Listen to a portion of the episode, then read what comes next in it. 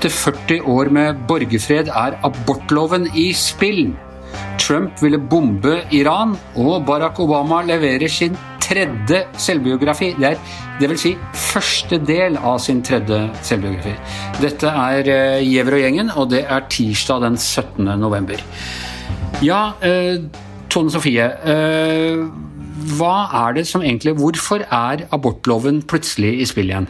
Nei, Det er vel flere grunner til det. Jeg ser jo Erna Solberg og får jo en del av eh, skylda for at hun eh, åpna for å endre abortloven eh, når KrF gikk inn i regjering, men, men, det vi også har sett en stund, er jo også at det har vært krefter i ganske mange partier som ønsker en liberalisering. Og når vi nå går gjennom alle partiprogrammene til de politiske partiene, så ser vi at ganske mange partier går for en betydelig liberalisering liberalisering av uh, abortloven. Det, kanskje det mest dramatiske er SV, som går fra 16 uker i dag, som de har programfesta, til uke 22. Uh, eh, og, og, årsaken til det tror jeg handler veldig mye om disse abortnemndene. Hvilke, men hvilke partier er det som vil utvide den? Ja, Det er jo liksom en sånn lite, en liten auksjon her, om vi kan kalle det det. For uh, I noen partier så er det jo uh, dissens. Kan du begynne med det som er hvor det er minst dissens? Det er nemlig Senterpartiet, hvor uh, det store flertallet vil beholde den som i dag.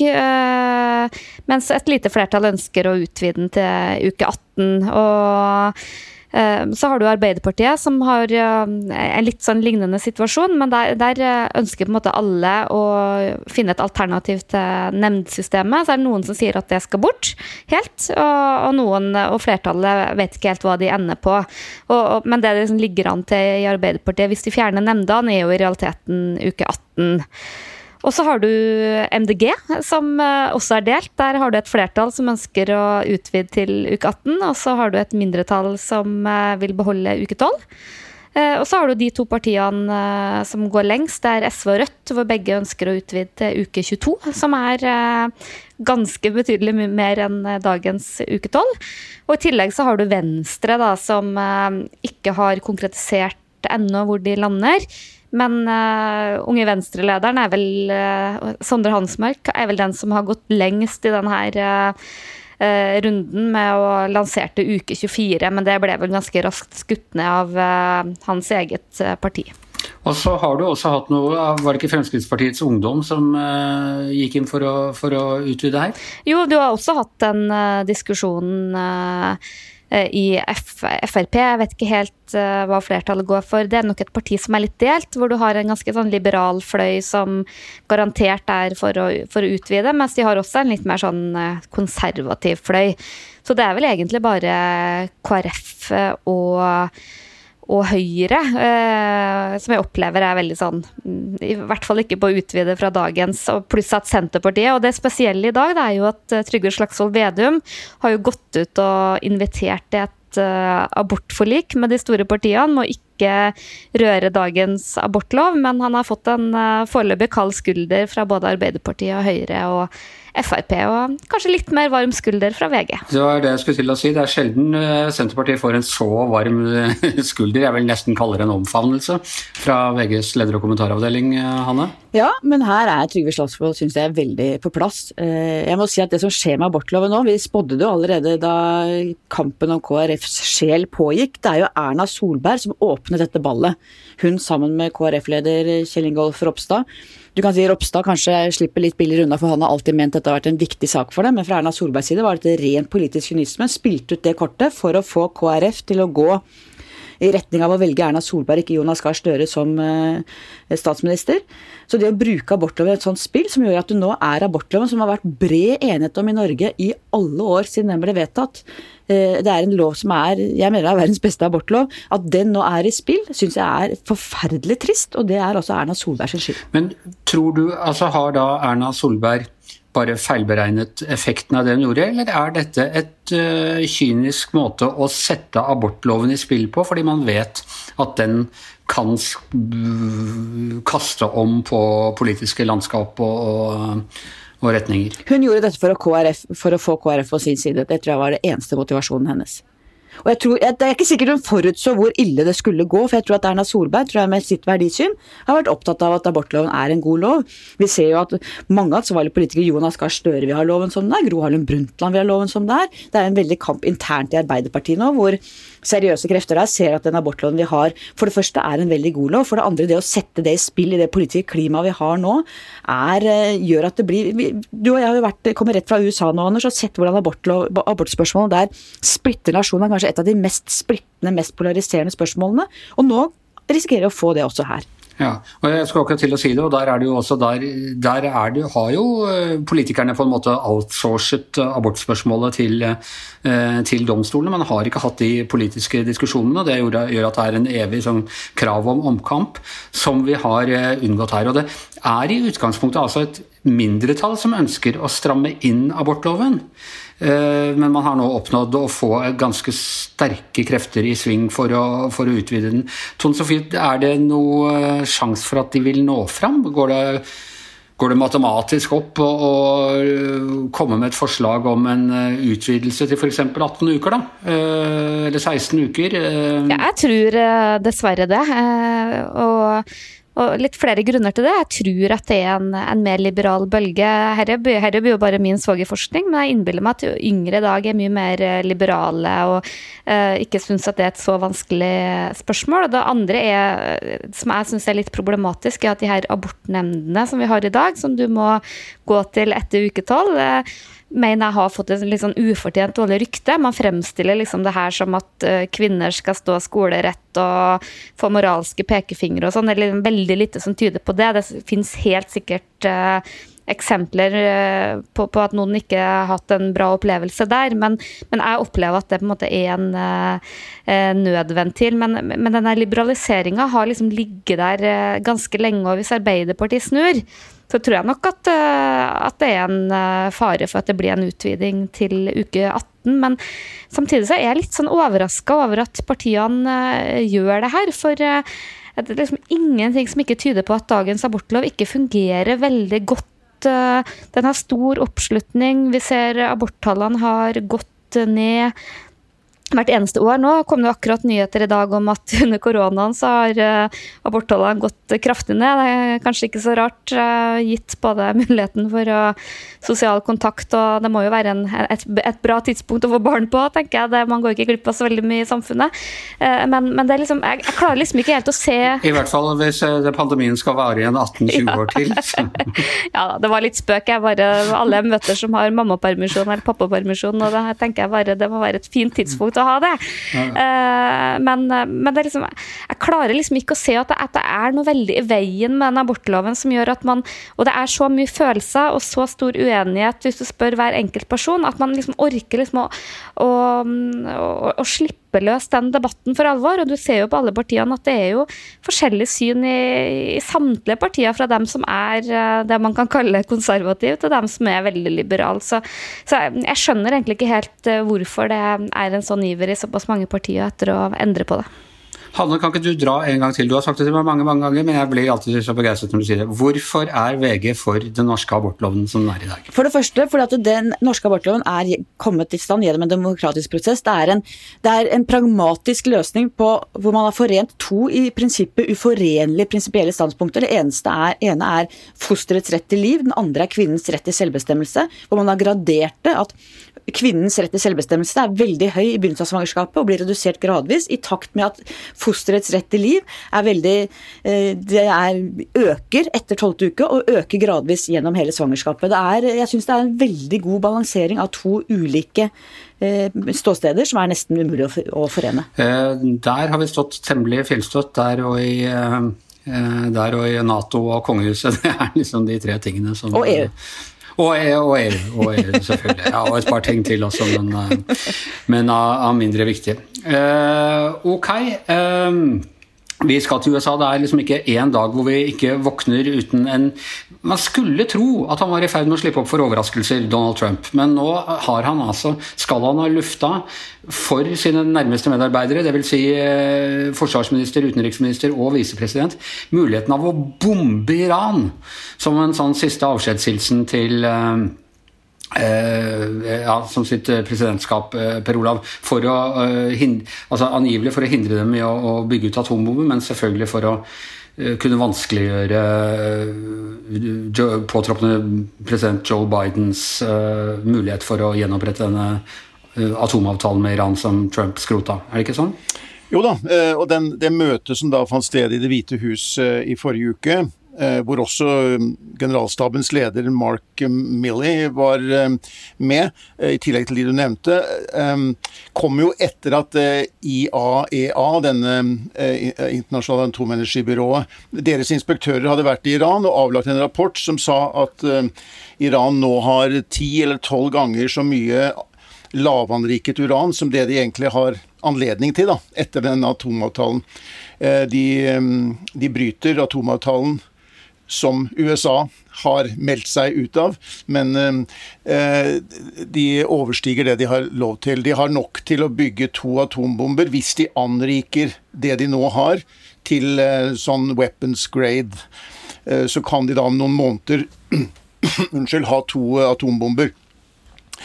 Og Det var som en reaksjon på dette de hadde møte i Det hvite hus da, og diskuterte uh, hvilke opsjoner har jeg, spurte, skal han ha spurt da, skal Trump ha spurt disse medarbeiderne.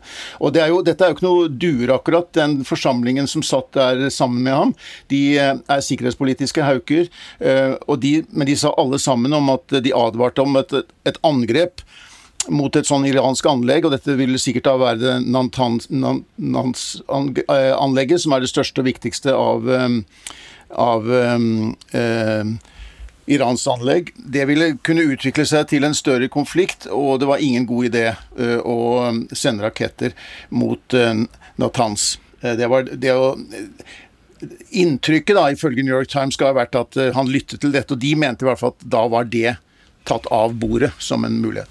Ja, Så det er tatt av bordet nå? Det vet vi jo ikke. Eh, Trump er eh, president, han er øverstkommanderende. Eh, han et, gjorde et stort poeng av å gå ut av denne avtalen, som jo ble fremforhandlet da Biden var visepresident og Obama var president. Dette var en av de viktigste diplomatiske seirene til Obama, vil jeg si. Det var en avtale som de stormaktene i verden også stilte seg bak. Eh, da, den gang hadde Iran langt mer, an, eh, lavt, langt mer, uran enn de har i dag. Men eh, Trump sa det var verdens verste avtale, sa den opp. Og det har ikke blitt noen, noen, som helst løsning på Iran. og Det viser jo akkurat den akutte situasjonen i nå. At den utmeldelsen til USA har bare ført til at, at iranerne ikke lenger holder seg til den. I hvert fall ikke i punkt og prikke. De bryter den, de òg. Og avtalen er Eh, i krise, vil jeg si, eh, selv om de andre holder seg ved den. Ja, men eh, det var også Bush-administrasjonen hadde også en sånn siste hilsen litt via noen israelske operasjoner og sånne ting i, rett, rett, før de gikk av. Ja, for da ville israelerne gjerne sikre seg avanserte amerikanske våpen. Eh, Eh, for, å, eh, for de var ikke sikre på om den neste administrasjonen ville gi dem eh, den type våpen til eventuelt bruk. Da. Men vi husker jo at Iran har spilt en rolle i amerikanske valg tidligere. Hvis man tenker tilbake på Jimmy Carter som ikke lyktes å bli gjenvalgt, og gislene, de amerikanske gislene fra ambassaden i Teheran ble satt fri samme dag som Ronald Reagan ble innsatt som president. Iran har hatt en Og det som er saken nå, er at Biden vil at USA skal inn i avtalen igjen hvis, det, hvis eh, USA skulle finne på å angripe Iran før den tid. Alternativet til å bruke raketter er jo selvfølgelig cyberangrep eller andre former for angrep mot Iran. Eh, det finnes jo alternativer eh, hvis de skal først markere hvis de først skal straffe Iran. Men det kan jo ødelegge sånn forholdet at Biden ikke vil klare å få gjenopprettet den avtalen sånn som han ønsker. Biden vil jo også sikkert stille krav om at man da i så fall må kreve at Iran etterlever avtalen til punkt og prikke, styrker avtalen på en del punkter, um, for å bli med igjen. Ja. Hanne, tror du Trump vil gjøre noe så radikalt uh, på tampen? Han er jo helt, klar, ikke, helt sikkert ikke klar for å gi seg. Samtidig så har noe av imaget hans vært at han ikke har starta noen krig. Dette får han stadig ros for i bl.a. avisen Klassekampen eh, i Norge. Uh, Uh, tror ikke jeg at Trump er redd for å skuffe Klassekampen, men, men allikevel, det er liksom vært uh, noe av imaget hans. Uh, tror du han vil gjøre noe sånt helt før han gir seg? Han er jo, som vi alle vet, uforutsigbar. Jeg tror kanskje ikke han vil gjøre det. Jeg tror det er mer sannsynlig, som jo også spekuleres i, at han vil trekke ut troppene fra Afghanistan og Irak etter det som militære ledere mener er altfor tidlig, som kan skape sikkerhetsrisiko både for de landene, men også faktisk sette USAs sikkerhet i fare. Så jeg tror det er en større risiko. Men, men, når det gjelder Donald Trump, så kan jo som vi vet alt skje. Og det at han er commander in chief fram til 20.1 med alle de fullmaktene en amerikansk president har, og det er jo som vi vet mye, så er det klart at dette er skummelt. Det er mellom 50 og 60 dager igjen av, eh, av eh, Trumps presidentskap, og han kan rekke litt av hvert på den veien. Eh, jeg fikk inn av døra i dag Barack Obamas det er del én av Barack Obamas tredje selvbiografi. Han er like gammel som meg, så det er sånne folk som får deg til å innse hvor, hvor kort du har kommet her i livet. Um, Uh, har dere fått lest den, Hanne og Per Olav? Nei, jeg har ikke engang lest i den, som amerikanerne pleier å si. Jeg har lest i den, jeg har ikke lest i den heller. Jeg har bare lest om, litt om den, uh, bare noen korte utdrag fra den. Men jeg har ennå ikke boken i, i, hånden, sånn som deg, Anders. Jeg har, jeg har, den ikke bare i hånden, jeg har den på Kindlen og jeg har den på øret. For jeg kjøpte meg den som lydbok òg. Han leser jo selv, og det er jo liksom noe eget av å, å, å høre han lese dette her. Men altså Enda så glad vi er i Obama, kan ikke si annet enn at eh, det er et romslig selvbilde på den mannen også. Er du ikke enig i det, Hanne? Jo, det tror jeg alltid det har vært. Jeg husker Da jeg bodde i Washington, så hadde jeg noen naboer, og før han ble president, mens han var nyvalgt senator, noen journalistnaboer, som fortalte om episoder i senatet hvor han var ganske cocky allerede da.